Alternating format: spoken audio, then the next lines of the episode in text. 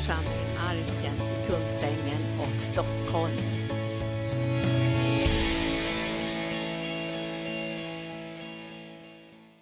Halleluja.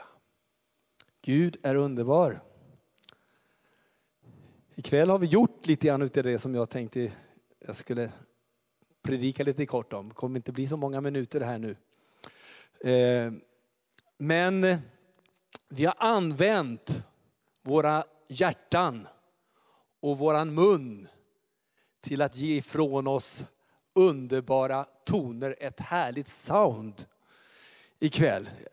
Man brukar säga, det låter lite bättre på engelska när man säger sound. Det låter lite bättre när man försöker hitta något svenskt ord. Att härligt ljud eller vad man ska säga för någonting. Ehm, för en tid sedan, några veckor sedan, så var jag lite längre söderut och lyssnade på Phil Driscoll. En del av er känner igen honom, vet vem han är. Och när han, han är en av, eh, han är väldigt känd eh, så att säga, både sångare men framförallt spelar han trumpet på ett fantastiskt sätt. Och när han tar sin trumpet och spelar, då är det som man bara kan känna hur himlen bara som vibrerar. Hur det både dels eh, så att säga, bryter igenom mörkrets makter, men hur det också kommer att förmedla en sån närvaro utav Gud. Och han talade om det, han sa att det behövs ett nytt sound i vårt land, i Sverige. Lovsången behöver höras, det behövs ett nytt sound, ett nytt ljud, en ny ton i, i det här landet, i våra församlingar. Eh, och när han nämnde det här så tänkte jag också vidare på att hur är det med mig? Vad är det för sound? Vad är det för ljud som kommer ut ur mig? Är det ett sound som eh, behagar Herren? Eller är det någonting som där jag ser alla brister, där jag ser allt det negativa som händer runt omkring oss dagligen. Så vi klagar och så över det ena och det andra. Det är ju ganska lätt va? Vi klagar i alla fall ofta på vädret. Eller hur? Men det finns mycket annat som man kan klaga på, vara upptagen med så att säga. Vad är det för någonting som, som kommer ut ur mitt mun? För det står att vad hjärtat är fullt av, det talar i munnen. Så då kan man lätt ta lite temp på sig själv så att man märker, okej, okay, det här börjar inte låta så bra. Då kan man tänka sig att nu börjar jag fylla på med någonting annat. Så att det som behagar Gud, det som lyfter upp honom, men som också gör att jag får del av hans välsignelser, att det också börjar komma ut ur mig. Ehm, det första ordet som du lärde dig, eller ett av de första orden som du lärde dig, eller jag lärde mig, eller som vi kanske lärde våra barn, förutom mamma och pappa, det är väl det första. Vad är det tredje ordet? Va? Jag. Vad lärde du våra barn Margot? Ja, precis. precis, det var ordet tack. Va? Alltså, alltså det är jättesvårt, där. man ska bara ha och ska ha och barn, ni vet. Så här. Men, men just ordet tack, det tränar vi, fick vi träna på oss som små. Och det är ju ingenting som vi ska sluta med när vi blir äldre, utan det är någonting som vi kan utveckla ännu mer och träna oss i att tacka Gud. Och det är det vi gör i lovsången. Alltså vi tackar och prisar Gud för den han är. Så vi lyfter våran blick från våra problem, våran situation, vår omständighet och så ser vi på hans möjligheter genom vår lovsång.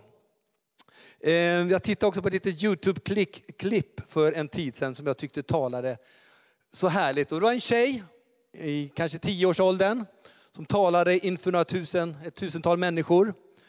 Och eh, när hon talade så sa hon så här att, vet du, eller vilken funktion har ett paraply?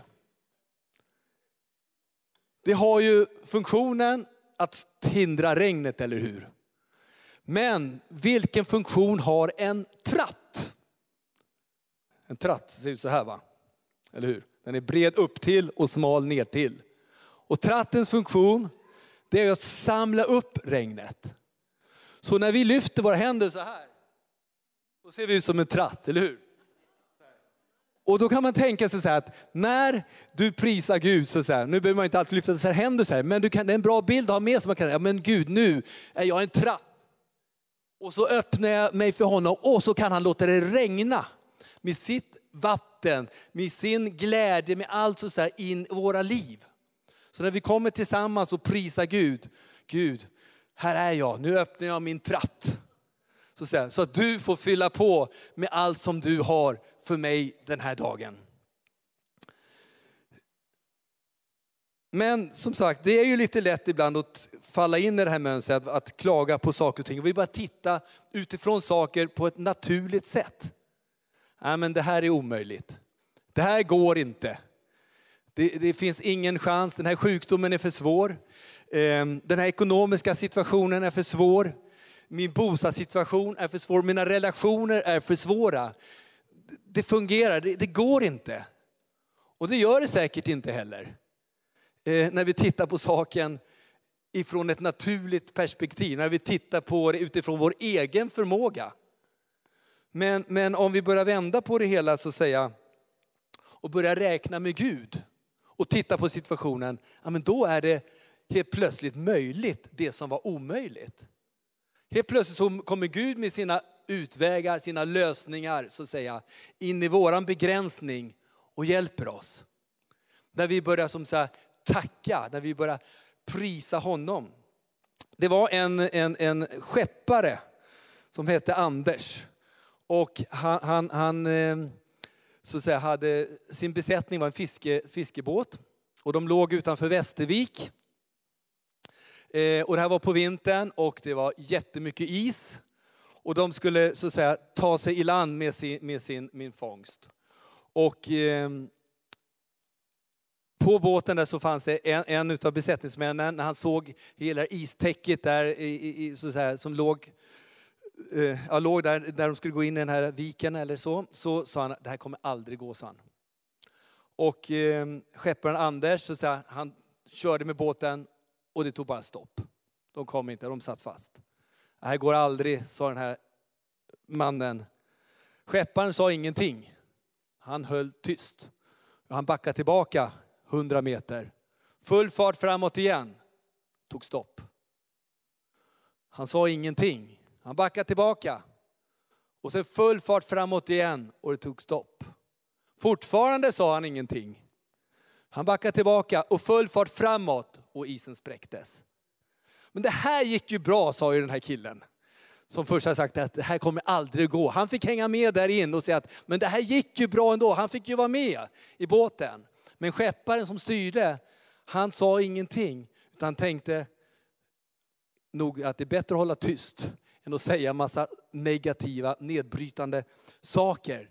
Och de kom in, de fick se hur den här isen, isen brast. För honom, i hans situation var det här en bild på så att säga, eh, eh, eh, en församling som han tillhör.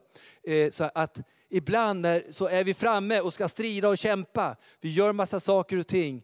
Men när det blir motstånd, när det blir svårigheter, så kanske det finns det till att backa tillbaka och börja söka Gud. För oss i våra liv, i vår situation, ibland så kanske vi kämpar mot problem, vi kämpar mot svårigheter, eh, olika ja, situationer som vi står i. Då kan vi få backa tillbaka. Här är jag Gud, nu öppnar jag mig för dig. Kom och fyll mig. Kom och berör mig. Kom och gör ditt ord levande i mig. För jag kan inte ta itu med det här problemet på egen hand. Jag kan inte lösa den här situationen med egen kraft. Utan jag behöver dig. Det står i Ordspråksboken så här att den som vaktar sin mun och sin tunga bevarar sitt liv för svårigheter. Och sen i första test 5.18, tacka Gud i livets alla situationer. Och Kolosserbrevet säger, att eh, liksom vi tog emot Kristus Jesus som Herren, så lev i honom och låt er rotas och uppbyggas i honom och befästas i tron i enlighet med den undervisning ni fått och överflöda i tacksägelse.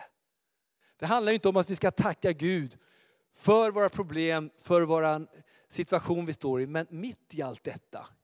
Det är det som är så fantastiskt på något sätt. Mitt i allt så kan vi bara höja upp vår röst och bara tacka och prisa honom för att oavsett hur det känns, oavsett hur det är, så kan vi vara med och ge ifrån oss ett gott sound, en god anda eller en, bra ton så att säga, genom våran mun. Så det, vi har ju fått den här munnen så att säga, och den, den är inte oviktig.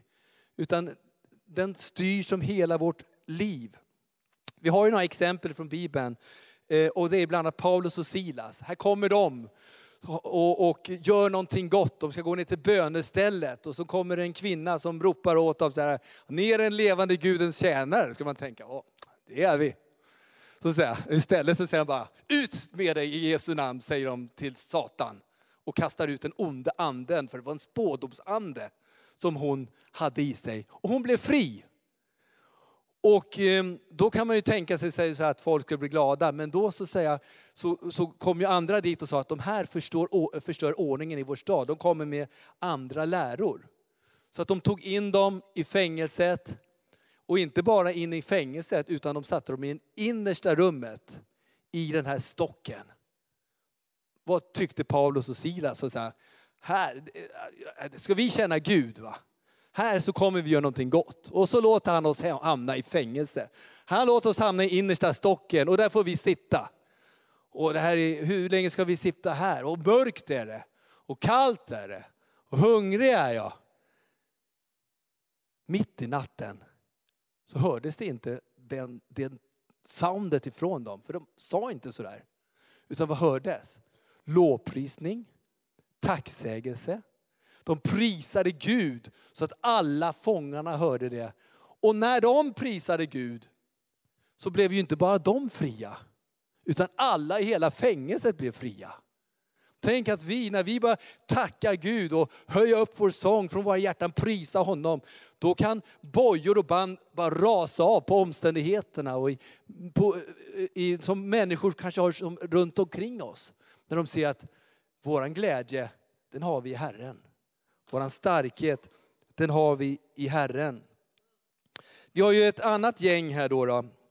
Eh, det är de här spejarna som, som Mose skickar ut för att de skulle inta löfteslandet. Det var väl, hur många var de nu? 12, 13? 12, 13, 15. Högre bud, you know, bättre bud här? De var ett gäng i alla fall. Och i alla fall, 12 var de säger vi. Och i alla fall då så, så skickar de ut för att kolla landet. Mose hade inte sagt åt dem att de skulle komma tillbaka med dåligt budskap. Utan de skulle bespeja landet och de skulle se hur de skulle kunna inta det här landet. Och de, de går dit och de får, de får se all den här frukten som finns där. De bär tillbaka säkert vindruvor och en del av landets frukt står att de bär tillbaka. Och eh, de träffar också folket som bor i, i det här landet. Det var olika både jättar och det ena och det andra. Så de kommer tillbaka till Mose. Och, eh, och så säger de då, så att säga, när de ska avge den här rapporten om hur det var i landet. De är för starka för oss. Det är ett folk som förtär sina inbyggare och alla män var jättestora. Vi såg också jättarna där och vi var som gräshoppor i våra egna ögon och vi var också så i deras ögon. Hur kunde de veta att jättarna såg dem som gräshoppor? Gick de och frågade dem? Här kom de till folket i landet. Du, vi är Israels barn, vi ska inta det här Vad tycker ni om oss? Ni är bara gräshoppor. Alltså, de gick aldrig och frågade, utan det här var deras egna uppfattning. De såg de här jättarna.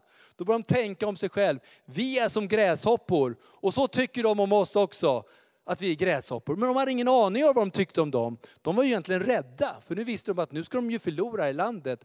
För Gud hade gett dem löftet att inta landet. Men deras klagan och inställning, otro kan man säga, smittade av sig på hela folket. Så att det förstörde ett helt folk.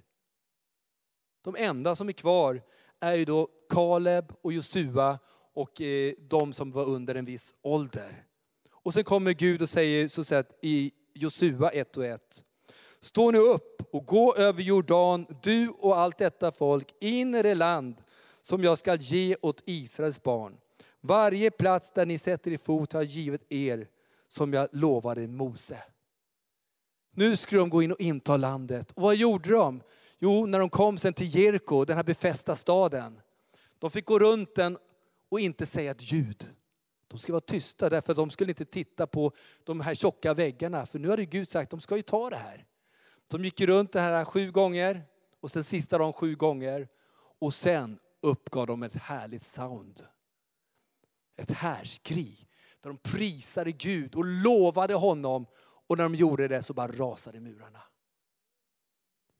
Så vi, du och jag har en makt i våran mun. Att det, det, är ingen annan faktiskt som kan bestämma vad vi säger. Jag tror inte att det går i alla fall. Man kan ju pröva. Men oftast är det som så att det är vi som pratar. Och eh, du och jag kan så att säga, när vi prisar honom, när vi bara tackar Gud. Man kanske tänker, men vad har jag att tacka Gud för? Men att man börjar någonstans. Och oftast är det så, vi hör ju mycket förkunnelse, eller hur? Men det är så lätt att den går in här och sen kommer man ihåg, vad handlar mötet om idag? Ja, det var jättebra. Fantastiskt bra, eller hur? Visst var det? Och alla håller med att det var jättebra. Ja, vad handlar det om? Hur ska vi praktisera det? Kan vi träna på det på något sätt? Och det kan man göra så här. Och jag tror, ju mer vi, vi kommer in med att prisa och tacka Gud, desto mer kommer vi få se hans eh, så här, seger in i våra liv. Och i andra kröneboken så står det så här, om ett folk när fienden kommer emot dem. Eh, så säga, och de vet inte vad de ska göra, de blir rädda. Men så gör de någonting bra. De frågar Gud, vad ska vi göra? Hur ska vi gå tillväga? Och Gud säger, ni ska vara stilla. För striden är inte er, utan den är Herrens. De sänder lovsångarna först.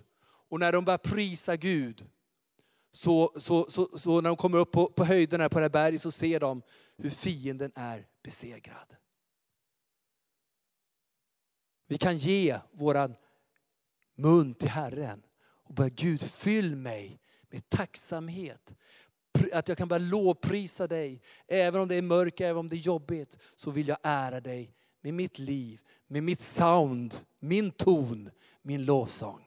Herre vi tackar dig för att du vill fylla oss Herre med ditt himmelsk sound Herre. Från dig Herre. Så att det kan flöda över Herre. Ifrån våra hjärtan av, av kärlek och tacksamhet till dig för allt vad du har gjort för oss Herre. För du älskar oss så mycket. Och du är så god Herre. Och vi får bara vara de som bara får vara dina barn Herre. Och du, du är den som kommer och möter med oss Herre.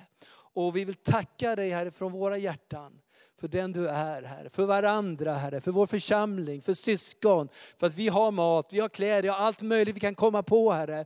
Så vill du hjälpa att skapa det här soundet ifrån himmelen av tacksamhet Herre. Vi prisar dig för det Fader. I Jesu namn.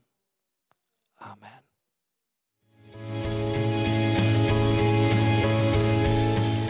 Tack för att du har lyssnat. Vill du få del av mer information om församlingen Arken, vår helande tjänst, bibelskola och övriga arbete, gå in på www.arken.org.